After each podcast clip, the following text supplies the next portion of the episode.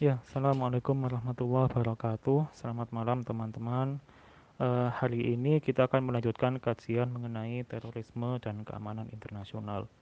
Jadi kalau minggu lalu kita sudah belajar apa itu terorisme, definisi terorisme, kemudian apa yang membedakan terorisme dan dengan kekerasan lainnya, dan kemudian kita sudah belajar sejarah uh, gelombang terorisme dari gelombang pertama sampai gelombang keempat Nah, hari ini kita akan mengkaji uh, akar penyebab fenomena terorisme. Ya, jadi kajian mengenai terorisme itu mulai, mulai marak kembali uh, sejak peristiwa 11 September 2001. Sejak saat itu, kajian-kajian mengenai terorisme banyak bermunculan di berbagai macam bidang studi, uh, psikologi, kemudian hubungan internasional, politik, dan bidang studi lainnya dan sekaligus 11 eh, September 2001 itu menggambarkan kepada kita bagaimana aktor non negara itu bisa menjadi ancaman serius bagi negara bahkan negara yang paling adidaya seperti Amerika Amerika Serikat sekalipun. Di mana aktor non negara itu seperti Al Qaeda bisa melakukan serangan-serangan ke lokasi-lokasi strategis di Amerika Serikat ya, di WTC kemudian di Pentagon dan di beberapa target lainnya ini menggambarkan bahwa terorisme kemudian menjadi fenomena interna menjadi fenomena global, menjadi fenomena yang banyak diperhatikan bagi, uh, oleh banyak orang. Dan ini apa uh, tren ini kemudian berlanjut ya, berlanjut uh, kemudian sampai uh, di apa di Indonesia misalnya ada bom Bali, kemudian ada bom uh, bom di Jakarta dan dan banyak serangan terorisme lainnya. Karena itu kajian-kajian mengenai terorisme mulai marak kembali uh, uh, sejak Hmm, pasca tahun 2000, pasca tahun 2001 ya, pasca 11 September 2001. Ya tentu kita akan bertanya-tanya kenapa kok kemudian fenomena terorisme ini uh, muncul ya, kenapa kok ada orang atau kelompok yang tega misalnya menabrakkan pesawat ke gedung uh, gedung WTC yang ada di Amerika Serikat yang menyebabkan ribuan orang sipil meninggal dunia kenapa kok ada orang atau kelompok yang tega uh, melakukan pengeboman di uh, di Bali atau pada tahun 2002 di bom Bali pertama misalnya yang menyebabkan uh, ratusan orang meninggal dan juga uh, ratusan orang lainnya juga uh, apa cacat atau luka ataupun trauma secara psikologis. Uh, kenapa ya kok ada fenomena seperti ini? Atau kita misal uh, misalnya lainnya di barat misalnya Andri Andrew Breivik ya. Itu juga kenapa kok dia sampai tega membunuh uh, lebih dari 70 orang di uh, di barat? Atau yang yang paling terakhir di tahun 2018 kan nggak salah itu kenapa kok ada orang atau kelompok yang tega yang apa yang ingin uh, punya keinginan kuat untuk membunuh orang-orang uh, muslim yang sedang beribadah di masjid misalnya ini kenapa ya kok kemudian ada fenomena terorisme ada aktor non negara yang kemudian melakukan aksi kekerasan yang menimbulkan uh, ketakutan secara luas di publik. Ini kenapa? Apa akar yang menyebabkan adanya fenomena terorisme ini? Ini akan kita yang akan kita kaji pada pertemuan kali ini. Ya, itu tadi contoh-contoh uh, fenomena terorisme yang belakangan ini. Sementara kalau kita lihat sebenarnya fenomena terorisme juga ada sejak tahun uh, 70-an, 60-an, sama juga uh, trennya juga membunuh uh, warga sipil, melakukan pengeboman terhadap target-target uh, tertentu yang strategis yang dilakukan oleh kelompok kiri maupun kelompok kanan ataupun kelompok nasionalis dan lain-lain. Jadi ya di sini kita akan bertanya-tanya kenapa kok kemudian itu ada fenomena terorisme yang menyebabkan ini apa? Uh, mungkin ada yang ada yang mengkaji atau berpendapat bahwa terorisme itu disebabkan oleh agama. Ada yang berpendapat seperti itu. Uh, apalagi kalau kita lihat tulisannya Charles Kimball ya, de, apa, uh, kalau agama menjadi bencana. Di sana dijelaskan uh, pendapat sih, pendapat yang menyatakan kenapa kok agama itu rawan uh, dengan kekerasan, termasuk salah satunya adalah terorisme. Jadi kalau menurut buku itu uh, dia menjelaskan ada uh, beberapa pendapat mengenai hal ini bahwa agama itu rawan dengan kekerasan, termasuk uh, mendorong orang untuk terlibat di dalam terorisme atau terlibat uh, agama itu menjadi apa latar belakang fenomena terorisme karena agama itu uh, secara kosmologi membagi uh, alam ini menjadi dua antara baik dengan buruk, putih dengan hitam, antara hukum Tuhan dengan hukum setan misalnya, atau tatanan Tuhan dengan tatanan setan, eh, baik, buruk, pahala, dosa seperti itu. Jadi kemudian kosmologi seperti itu yang kemudian menyebabkan orang, oke okay, kalau kita ingin mengenyahkan uh, mengenyahkan keburukan, kita tidak hanya bisa berucap melalui kata-kata, tapi kita juga harus melakukan tindak tindakan nyata. Uh, apalagi tindakan nyata itu salah satunya di, di apa diwujudkan di dalam bentuk kekerasan. Itu ada orang berpendapat bahwa agama itu adalah akar dari atau apa uh, akar dari terorisme, akar penyebab terorisme. Apalagi kalau kita lihat tulisannya ini, tulisannya Andrew Andrew Breivik ya, yang teroris sayap kanan di Norwegia kalau nggak salah dia juga menjelaskan kenapa ya kok kemudian itu dia berpendapat gini dia kenapa berpendapat kenapa kok Islam itu atau uh, banyak kelompok-kelompok Islam itu melakukan aksi terorisme di Eropa di London di Madrid dan di tempat lainnya. Itu kalau menurut dia uh, dia mengatakan bahwa itu adalah uh, akarnya ya dari Islam itu sendiri ya. pendapat dia seperti itu. Dia mengutip beberapa tulisan uh, anti orang-orang yang anti Islam dan ya intinya apa? Intinya ada orang-orang berpendapat bahwa terorisme itu terjadi karena uh, karena adanya agama. Agama adalah akar dari terorisme. Atau ada juga yang berpendapat bahwa akar dari terorisme itu adalah kemiskinan. Uh, pendapat ini banyak dianut oleh para pemimpin dunia. Kalau teman-teman baca di literatur kan disebutkan seperti itu. Jadi mereka meyakini bahwa teror apa terorisme berakar dari kemiskinan. Kenapa? Karena kemiskinan itu uh, identik dengan uh, frustasi dari sebagian kelompok di masyarakat. Dan karena frustasi itu kemudian mendorong agresi uh, untuk mengubah kondisi agar lebih adil, agar mengurangi uh, ketimpangan yang ada di masyarakat. Salah satu yang dipilih caranya adalah dengan terorisme. Pendapat ini uh, pendapat yang populer, yang umum, yang yang di yang di apa yang di dianut oleh beberapa atau banyak pemimpin dunia. Ya, uh, ada juga yang berpendapat bahwa akar dari terorisme itu adalah sisi psikologis dari masing-masing individu yang melakukan aksi terorisme. Jadi ada beberapa teori psikologi ya, teman-teman kalau baca di literatur itu yang menjelaskan kenapa kok uh, ada aksi itu dijelaskan dari uh, akarnya adalah dari individu, dari sisi psikologis. Ada yang menyatakan bahwa ini adalah kecenderungan uh, paranoid dari uh, dari pelaku dari, dari pelaku teroris, dari pelaku terorisme, maaf. Uh, misalnya dari kalau paranoid itu menyatakan bahwa pelaku ini uh, merasa terancam atau merasa bahwa orang lain itu adalah buruk, orang lain itu adalah setan yang harus dilawan. Dilawannya itu bukan bukan hanya dengan uh, kata-kata tapi juga dengan kekerasan atau ada juga uh, teori psikologi yang menyatakan bahwa uh, para pelaku terorisme ini adalah para pelaku yang merasa dendam uh, terhadap orang lain, dendam terhadap sebuah sistem atau dendam terhadap sumber-sumber yang menyebabkan dia terhina. Dan ada beberapa teori-teori psikologis lainnya kalau teman-teman baca di literatur yang mencoba menjelaskan kenapa terjadi akar terorisme atau misal penjelasan lainnya itu lebih menitik beratkan akar terorisme adalah ideologi.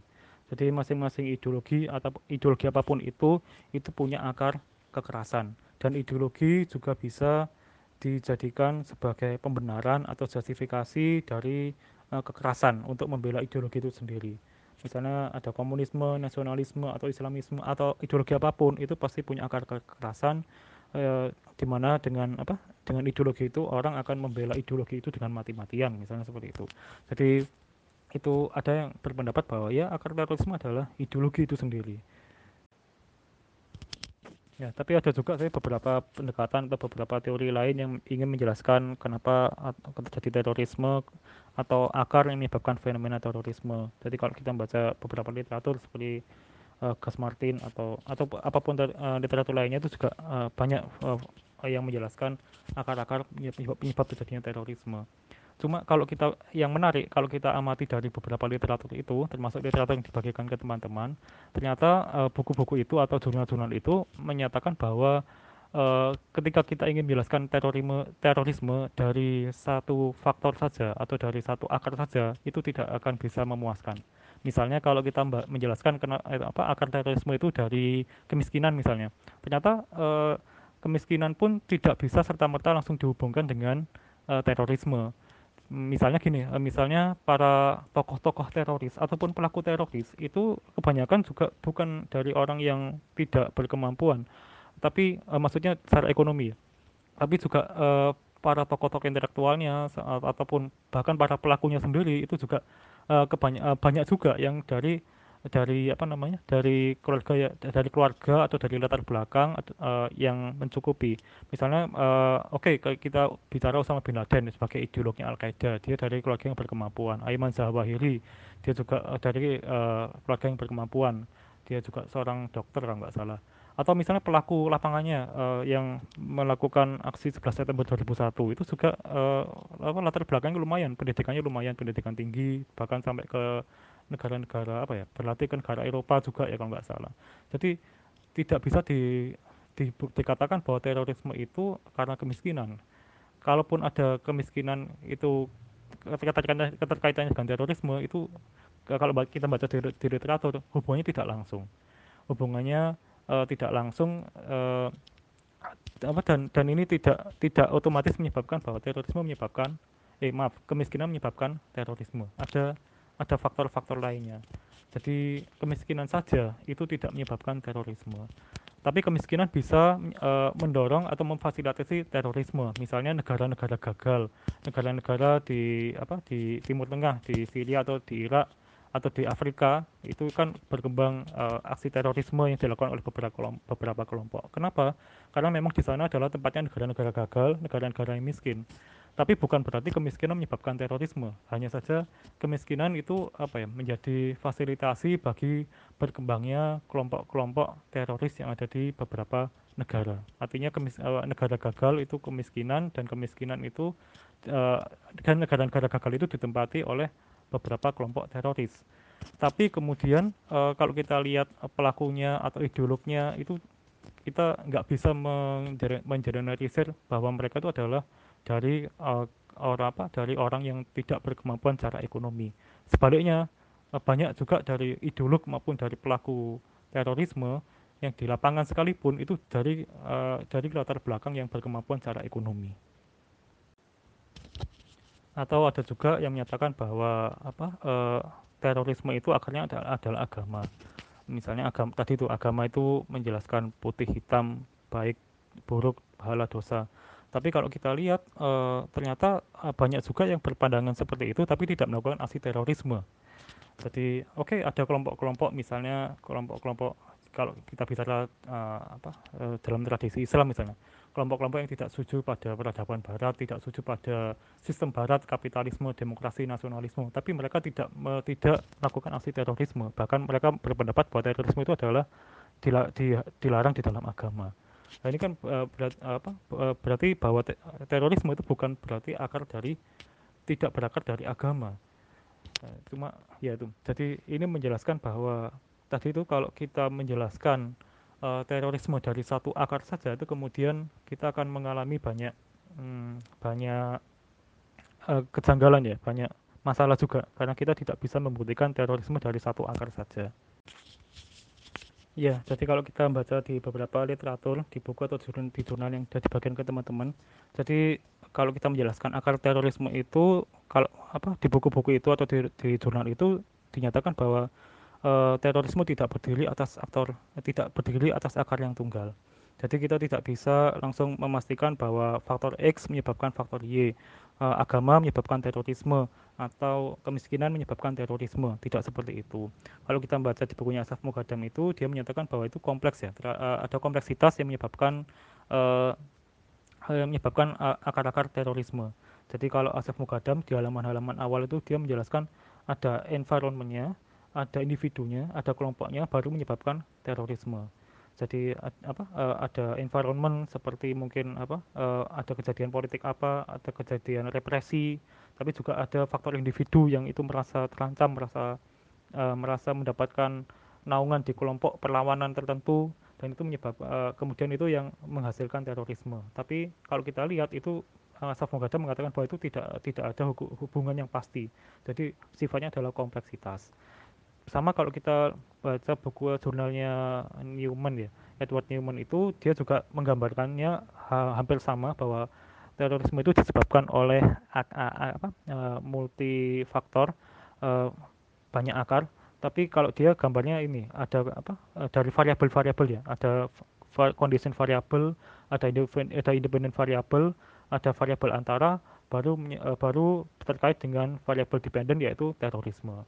Jadi intinya apa sih? Intinya sama bahwa uh, kompleksi uh, terorisme itu akarnya adalah kompleks, tidak bisa disederhanakan. Oh agama ini pasti terorisme, oh kemiskinan pasti terorisme, oh ideologi ini pasti terorisme tidak.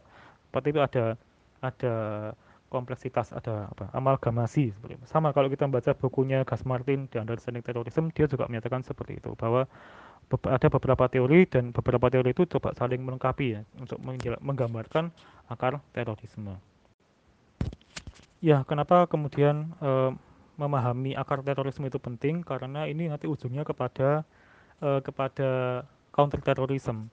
Kalau e, memahami akarnya salah, kemudian nanti counter terorisme tidak efektif. Misalnya gini, di beberapa lapas itu ketika ingin menderadikalisasi orang yang pernah terlibat di dalam tindakan terorisme ataupun uh, kelompok yang identik dengan teroris itu caranya tidak efektif. Misalnya di konteks Indonesia ada yang uh, ada yang ingin menderadikalisasi na, na, apa, uh, narapidana terorisme napiter itu dengan pendekatan agama. Yang terjadi adalah justru sebaliknya. Uh, justru ketika pendekatan agama itu dilakukan, yang terjadi uh, terjadi penolakan dari para napiter yang ada di, di beberapa penjara.